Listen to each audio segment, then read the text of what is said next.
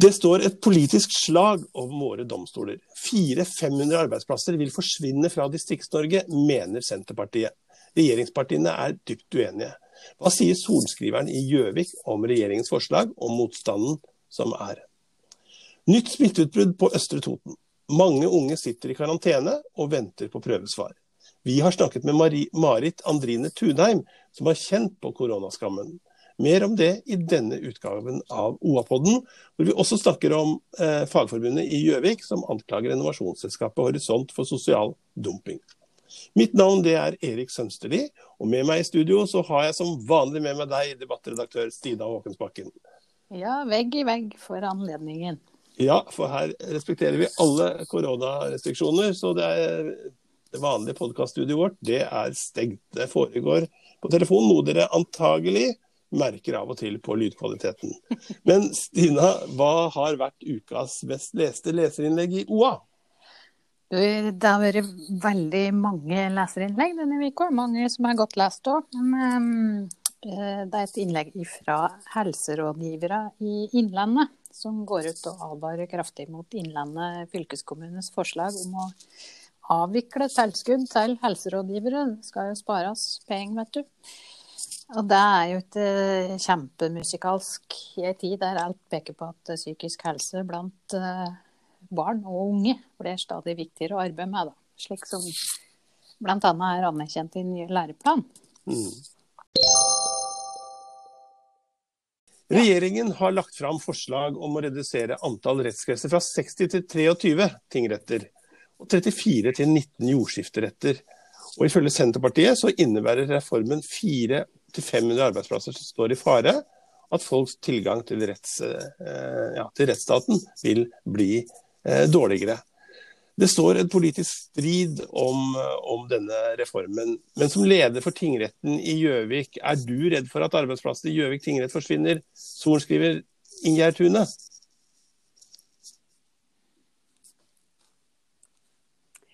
Nei, det er jeg ikke. Det er helt overbevist om at de kommer til å fortsette å eksistere. Det er ikke snakk om å legge ned noen arbeidsplasser som følge av denne domstolreformen. Men hva med Valdres og Fagernes? Nei, det skal ikke legges ned noe der. Det skal opprettholdes. Altså, det som skal skje, er at i dag er det fire enkeltstående domstoler i Vestre Innlandet, det gamle Oppland med, som ledes av en sorenskriver, og som har uh, bemanning, uh, en minimumsbemanning på de små domstolene og en større bemanning på de andre domstolene. Og det som det er snakk om, det er at det skal bli én domstol med én leder, men at det skal være opprettholde rettsstedene både på Fagernes og på Lillehammer og Gjøvik og Vågåmo. Så i stedet for å ha sorenskrivere på hvert sted, så skal det være én sorenskriver. Men det man frykter er en sentralisering på sikt, ikke sant? At arbeidsplasser skal, skal, og kompetansearbeidsplasser eh, og det juridiske miljøet skal forvitre på noen av disse stedene. Er det, er det riktig å forstå?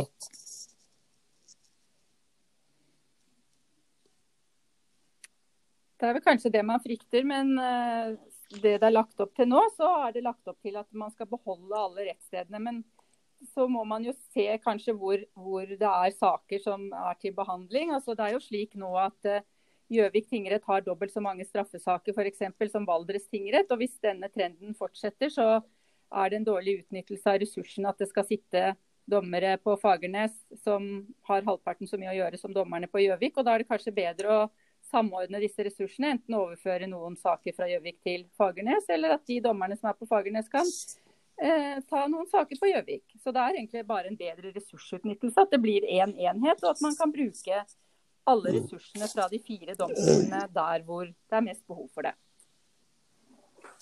Dette høres jo ut som eh, en fordel eh, rent praktisk. Men når du ser på den debatten som, som går, der særlig Senterpartiet og Høyre er tydelig ute, hva tenker du om politikken rundt det?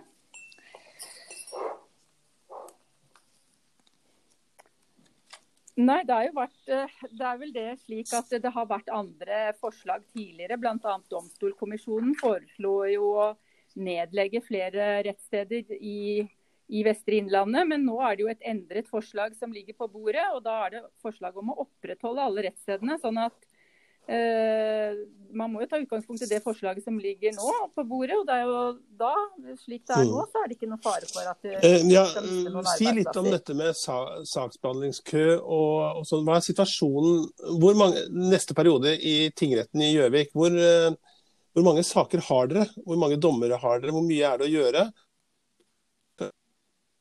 Eksempel som i, i, i Valdres. Ja, så jeg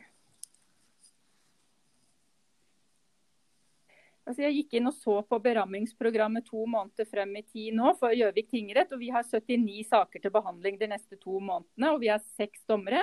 Så det er ca. 13 saker som hver dommer skal behandle de neste to månedene. Så gikk jeg inn og så på berammingsprogrammet til Valdres tingrett de neste to månedene. og De har ni saker til behandling. Dvs. Si de er to dommere, og det er fire og en halv sak på hver dommer. da. Sånn at vi har omtrent tre ganger så mange saker til behandling. Um, og Det jo, sier seg jo selv at det er en veldig dårlig utnyttelse av ressursene. De får, har ikke nok saker i Valdres, men de må ha en minimumsbemanning. Uh, og vi har for mye saker i Gjøvik, så det hadde jo vært mye bedre om vi slo våre pjalter sammen, som man sa i gamle dager. Altså at de samarbeidet, og at dommerne i Valdres og sommerne på Gjøvik samarbeidet om å få avviklet disse sakene vi har fremover. Enten på Gjøvik eller på Fagernes. Og det ville jo være et bedre tilbud til det rettssøkende publikum òg, fordi sakene kunne komme raskere opp. De som er på Gjøvik nå, de må vente lenger på å få behandlet saken sin enn de som er i Valdres. og Sånn bør det jo ikke være. Det bør jo være samme saksbehandlingstid, enten du bor på Fagernes eller på Gjøvik. og det er jo så korte avstander i dag. altså Da domstolene ble anlagt på 1500-tallet, så skal det visstnok ha tatt tre uker å reise fra Fagernes til Gjøvik. Men i dag tar det halvannen time. Så enten dommerne reiser til uh, Fagernes og tar saker, eller, eller, motsatt. Eller publikum reiser fra Fagernes til Gjøvik, eller motsatt. Eh, det er så korte avstander, og det er så uh, uproblematisk for de fleste i dag å reise. Og det er så få, sjelden man er i domstolen nå. Det Undersøkelser viser at hver nordmann er i domstolen hver 64. år. Altså Hvis det bare har vært 64. år man møter i domstolen, så vil det som regel ikke være noe problem å, å måtte reise. kanskje. Synes du da at noe av den retorikken er overdrevet? For dette med avstand og nærhet til, til uh domstolen har jo vært en veldig viktig del av denne debatten rundt domstolreformen. At folk må, eh, må ha lettere tilgang både til jordskifte og der retten er viktig, enten det er jordskifte, eh, jordskifteretten eller det er eh, tingretten.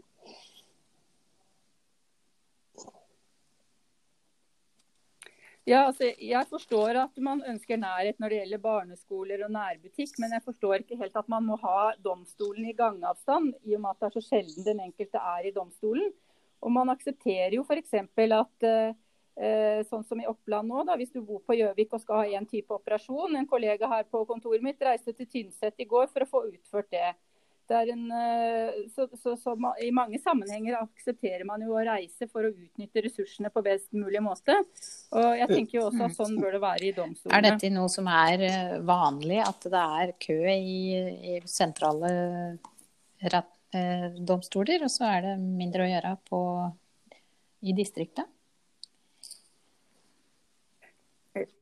Ja, det er jo sånn sant, at du må ha en sånn minimumsbemanning Eh, i alle domstoler. Altså alle domstoler må ha én sorenskriver og én domfullmektig og et par saksbehandlere. Uansett, har, uansett, hvor mange saker du har, så må du ha den minimumsbemanningen. Og Hvis du da ikke får inn nok saker, da, så, blir det, så blir det overbemanning i de små domstolene. Og så i de større distriktene hvor du har mye saker og det er lite ressurser i domstolene, da er jo ansettelsesstopp. Vi mistet jo en tingrettsdommerstilling her for noen år siden. Så vi, har, vi, er jo underbemannet i forhold til det vi skulle ha i forhold til antall saker. Mens andre små domstoler er overbemannet. Så det er jo en veldig dårlig utnyttelse av ressursene å, å ha det på den måten og, og, og, absolutt skulle opprettholde det og dere kan ikke sende en sak til Fagernes? som ble anlagt på 1500-tallet. Vi kan ikke overføre noen saker til Fagernes, og de kan heller ikke ta saker her sånn som situasjonen er i dag. Da må vi konstituere de som dommere her, da. Men uh, det hadde vært mye bedre hvis du hadde én leder som hadde kunne se på hele alt som kom inn av saker, se på hele berammingsprogrammet og fordele det jevnt utover, sånn at man brukte eh, de dommerressursene som var både Mm. her på fagene Så er det snakk om kompetansemiljøer. At eh, tilhengerne av denne reformen mener at eh, dette vil styrke fagkompetansen og kvaliteten i domstolene. Mens, eh, mens eh, motstanderne av reformen mener at det kan løses med digitale eh, grep eh, og, og teknologi i dag. Og at, eh, og at, man, eh, at, det er, at det er viktig, ikke minst for kompetansearbeidsplasser, f.eks. at det finnes et juridisk miljø på alle disse rettsstedene. Da. Sånn som i Fagernes, sånn som i Vågåmo og, og andre steder. Hva tenker du om det?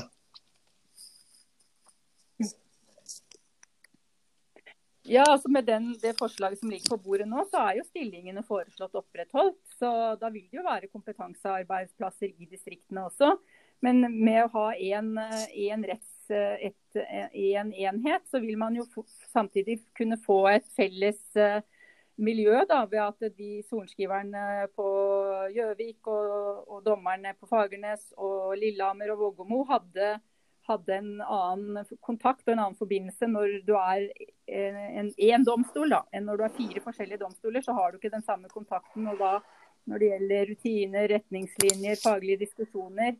Det er lettere å ta det med kollegaer i samme domstol enn å ringe andre domstoler. Og så er det jo veldig få arbeidsplasser det er snakk om. F.eks. på Fagernes så er det en sorenskriver og en domformektig som begge er innflyttere. Ingen av de kommer fra Fagernes.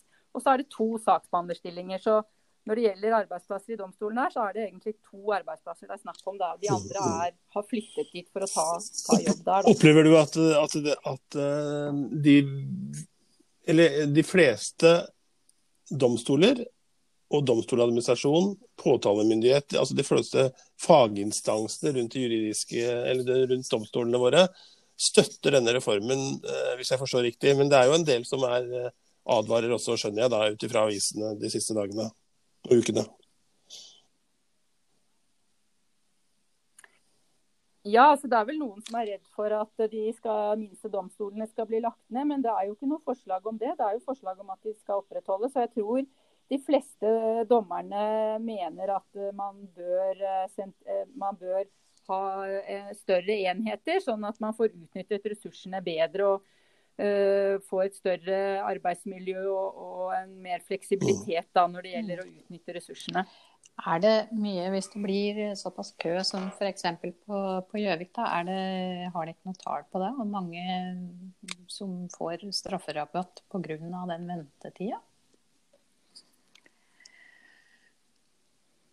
Ja, nå er vi, vi er ganske bra à jour, så vi holder oss innenfor de, den saksbehandlingstiden som Stortinget har fastsatt, både når det gjelder sivile saker og straffesaker. Så jeg tror nok stort sett å ha problemet vært i politiet, som vi også har sett de siste dagene, at de har for få politijurister. Sånn at det er særlig i politiet at sakene hoper seg opp, og at man får lang, lang saksbehandlingstid.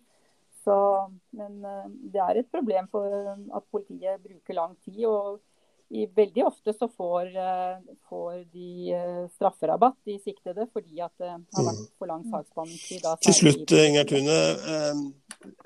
Slaget står nå. Det er, det er snakk om at saken skal utsettes til, til over nyttår. Men, men i utgangspunktet så debatterer man denne saken nå. Hva tenker du dersom det ikke blir noe av denne reformen?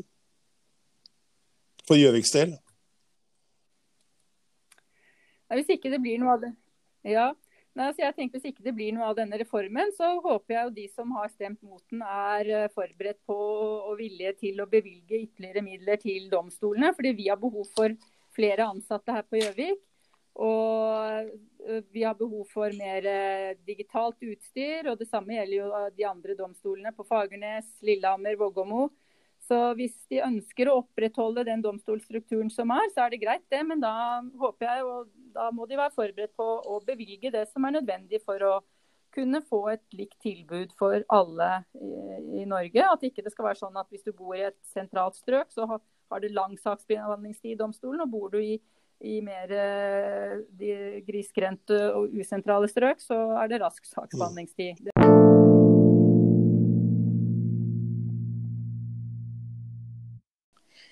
Nå hadde vi akkurat fått at hvilepulsen etter smitteutbruddet som var på Gjøvik og Toten for noen uker siden, og så smeller det i gang igjen. Det er lange, lange køer på teststasjoner, og rundt i Gjøvik-regionen nå så sitter i hvert fall tresifra antall, både unge og voksne, både i karantene og isolasjon mens de venter på å få testresultatene sine. Eh, og du, Marit Andrine Tunheim, eh, du vet hvordan en har det når en sitter og venter på disse resultatene? Mm.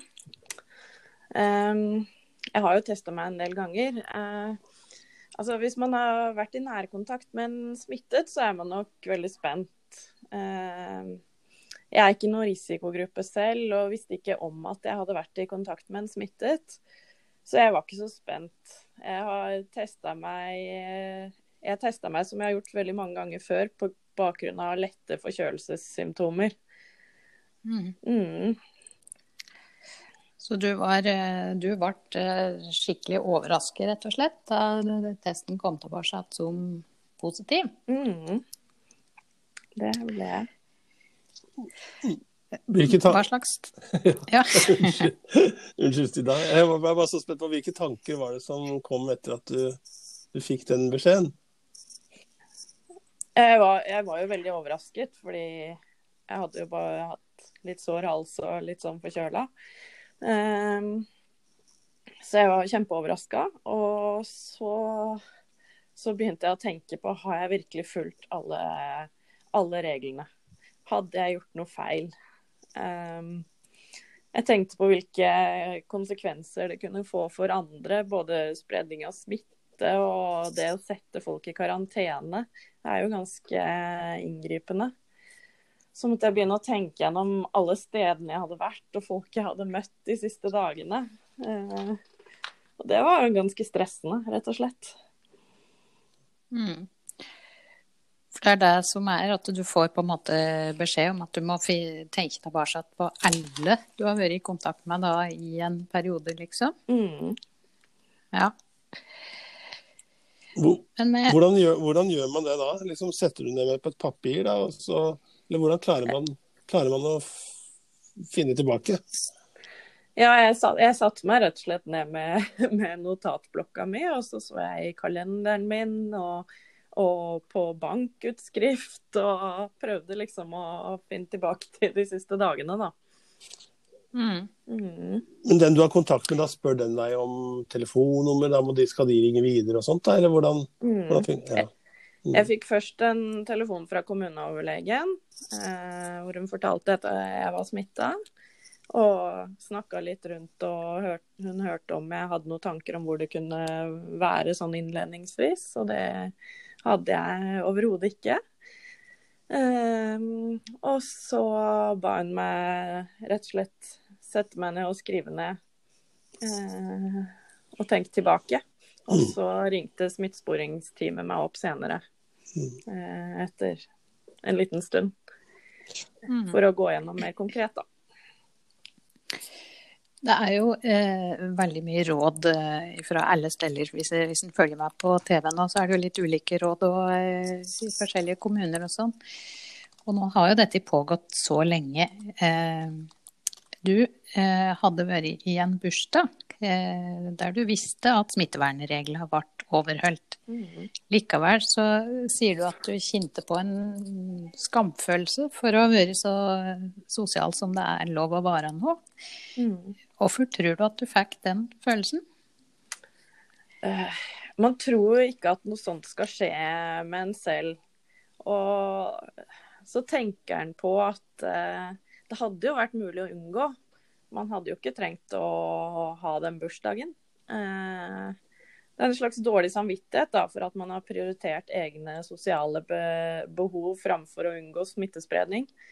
Eh, man kunne jo i teorien liksom stengt seg helt inne og isolert seg helt fra folk. Eh, og når man blir smitta, så tenker han lett at man har gjort noe feil. Men sånn etter hvert da, så tenkte jeg mer på at liksom, myndighetene de har jo laget de reglene med tanke på at det er jo en avveining mellom folks sosiale behov og behovet for smittevern. Eh, og da skal man ikke ha dårlig samvittighet så lenge man har fulgt reglene. Mm. Smittesporeren de sier jo at de får mange slags typer reaksjoner fra folk som eh, ja, de blir forferda, lei seg når de får beskjed om smitten. De gråt stor redsel for å smitte andre. Hva, har du tanker om hva det sier om hva disse månedene egentlig har gjort med oss, da vi har levd liksom med denne koronaen? Det er jo en kjempespesiell situasjon som vi har levd i ganske lenge nå. Det er jo mye frykt og usikkerhet og uforutsigbarhet. Um, korona har jo vært veldig sånn, dominerende i mediebildet og egentlig i vår daglige tilværelse også. Det påvirker jo hvordan vi kan leve helt konkret. Uh, så, så, vi påvirkes jo veldig mye av det. Jeg merker jo selv f.eks. når jeg ser på film, da, at jeg reagerer på at de ikke holder avstand. Mm. Ja. og det sier jo noe om liksom, hvordan det påvirker oss helt grunnleggende. Og at folk da reagerer veldig sterkt når de da blir smitta. Det skjønner jeg jo. Mm. Jeg er så enig med deg. Jeg reagerer også på det jeg ser på film. Og så ser jeg at leserne av OA også gjør det. Hvis, hvis vi har bilder som er arkivbilder, eh, til en aktuell sak. Men selv om det står at det er arkiv, så ser man jo ikke det kanskje sånn med en gang. Så da, da er det hvis folk er tett sammen, så kommer det e-post og, og SMS-meldinger til, til, oss om at, at det her er mm. Mm. Eh, eh, der glemte jeg å si, men du er jo politiker. Eh, lokalpolitiker på Gjøvik her for eh, Kristelig Folkeparti og er opptatt av samfunnet rundt oss. Eh, har du gjort deg noen tanker om det? Om hva som blir viktig nå på veien ut av denne her tilstanden som vi er i, når vi en gang kommer dit? Altså jeg, jeg, er jo veldig opptatt av de som har fått det vanskeligere i denne perioden. Eh, enten det er barn som lever i, eh, under vanskelige forhold, eller familier som har mista arbeid og sånne ting. Eh, hvordan kan vi nå ut til dem? Hvordan kan vi eh, prøve å rette på noen av de eh, konsekvensene som har kommet for dem, da. Eh, samtidig så tror jeg mange har fått anledning til å tenke mer over hva som er viktig. Familie, hvordan vi bruker tiden vår, venner, det sosiale. Og det kan det også komme mye positivt ut av. Mm. Hvordan kan vi legge samfunnet til rette da, for at folk kan eh, kan på en måte leve livene sine eh, sånn de ønsker.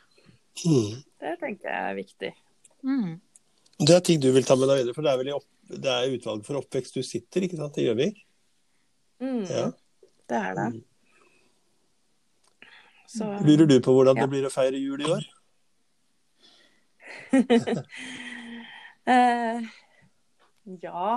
Eh, det blir jo ikke de kjempesammenkomstene. Jeg kommer nok til å savne juleselskaper og familie fra her og der og, og sånn. Eh, ja, vi skal nok få det fint likevel hos oss, altså. Men det er mange som eh, Eh, jeg tenker veldig mye på mange som kanskje har familie langt unna, som de hadde gledet seg til å se. Og ja. Det, det, blir en annerledes jul for veldig mange, da. Mm. Ja. Eh, men nå, dette var jo nå, da du fikk beskjeden om at du var smittet, det er jo nå et par uker siden, så du er frisk og rask og tilbake i jobb du nå? Mm, det er jeg. Begynner å komme seg. Ja. Du kjenner mm. ikke noen store sånne senvirkninger eller noe foreløpig, eller? Nei, jeg, jeg har vært uh, ganske så sånn ettersliten. Sånn man gjerne kan bli når man har vært syk en stund. Men uh, det ser ut til å gå over nå. Mm. Mm. Det er godt å høre. Mm. Men da sier vi tusen takk for at du tok deg tid til å være med oss her i dag. Jo, bare hyggelig. De verste arbeidsforholdene man har opplevd, systematisk forskjellsbehandling av norsk og utenlandsk ansatte, det er anklagene Fagforbundet kommer med mot Gjøvik Toten og Lands interkommunale renovasjonsselskap Horisont. Enkelte ansatte skal ha jobbet over 800 timer overtid. Det skal ikke ha vært arbeidsplaner, og man skal ikke ha fått betalt for all denne overtiden. På den annen side, en arbeidskonflikt som er overdrevet og tatt helt ut av kontekst, sier Fagforbundets egen tillitsvalgte i søsterselskapet i Horisont. Etter å ha sendt ut en felles uttalelse om at man skal jobbe videre med å finne løsninger på det som nå er en arbeidskonflikt, har Horisontstyret og Fagforbundet nå lagt fullstendig lokk på saken. Etter at Arbeiderpartiet tok opp spørsmålet i Gjøvik formannskap, og i dag fått en henvendelse om å delta i OA-podden, så har de gjort det samme og takket nei til dette. OA har forsøkt å grave i saken for å få fram hva som er fakta, hva som er spinn, hva som er usannheter i en konflikt som har påstander som står helt i motsetning til hverandre. Det er vanskelig å få faktaopplysninger eller informasjon om den videre prosessen i saken slik det er nå. Og Det har da altså ikke lykkes oss, til tross for eh, iherdig arbeid gjennom dagen, å få noen til å delta i dagens podkast. Stina, vi må dele ut blomster. Eh, ja. ja. Er det noen vi vil gratulere, noen vi vil vise omtanke for? Hvem skal vi dele ut til denne uka her? Ja, eh, jeg tenker jo at det er eh, Vi er nærmer oss jo førjulstida. Eh, Frelsesarmeen er framme med julegryten eh, som vanlig i et helt uvanlig år. I år håper de jo at folk er ekstra gavmilde, og at flere melder seg på for å holde gryta varm. Det er jo en stafett. Mm. Den første gryta blir satt ut på CC om lørdagen. Så, og de håper på at mange melder seg, fordi i år så er det jo litt spesielt dette med smittevern og slike ting. Da. Det er vel litt høy snittalder, kanskje på de som har pleid å eh, være med på den dugnaden. Det, mange, det, er mange kandidater til eh, blomster egentlig i disse tidene som vi lever i nå. Ildsjeler, folk som står på og, uh, for oss i denne koronatida. Men uh, denne gangen så syns jeg det er ålreit å gi ut en blomst til Frelsesarmeen. Det blir ekstra viktig å være gavmilde i gryta deres i år. OK, hva skjer i helgen? Det er ganske rolig, syns jeg det ser ut for. Det eh, kan godt hende at det er mye små messer og julebord og slikt noe som ikke har funnet veien til arrangementskalendere. Men litt lite grann er det jo. Um, I kveld f.eks. er det releasekonsert med Halvor på Friscena på Gjøvik. Halvor er Halvor Berg, som er lik musikklinja her og var aktiv i dette musikkmiljøet her en god stund. Nå har han gitt ut nytt album, som eh, blir å få høre da i kveld. I morgen så er det juleskuespill for de minste på Gjøvik eh, bibliotek. Drama Lama som kommer med det. Frostroser har sine årlige julekonserter i Hoffkirka søndag og tirsdag. Eh, der tror jeg en skal forte seg for å få tak i billetter. I kveld er det tegnekurs med Kristine Onsrud på Skreia. Mm. Uh, hun er kjempegod, så det tror jeg er en god anledning for den som vil lære mer om det. Lurdan er det gregorianske julekonsert med Sankt Halvard-gutta i Nikolaikirka. Det er vel på Gran. Og Blåtoner har jo nå fått uh, støtte, så vidt jeg kan skjønne, til juleturneen sin. Og de har konsert i Hovkirka. Blåtoner. Det er jo Levi Bergerud og Ole Børud og Maria Solheim i år. Mm, det var jo lenge tvil om de skulle kunne ha da, disse konsertene, så det er jo fint. Eller denne turneen. Det er jo fint at det blir noe av. Ja. Så, men hva med det Jeg vet ikke det, det er i helga, men vi kan jo slå et slag for, eh, for eh, det som foregår ute på Eina. Eh, juleshowet til Ella Fiskum og co. Ja visst, det er jo noe samme. Det er, eh, det er showet på Eina, og så er det jo juleshow på Samfunnet på Gjøvik. Og så er det eh, afternoon tea Mhm. på Samfunnet på dagtid.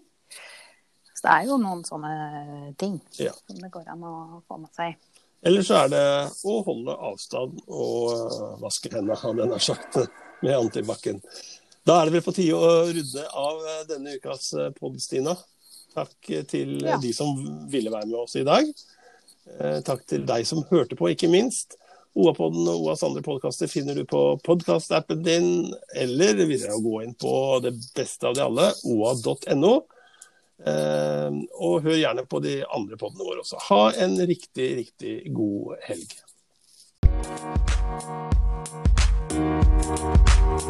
Thank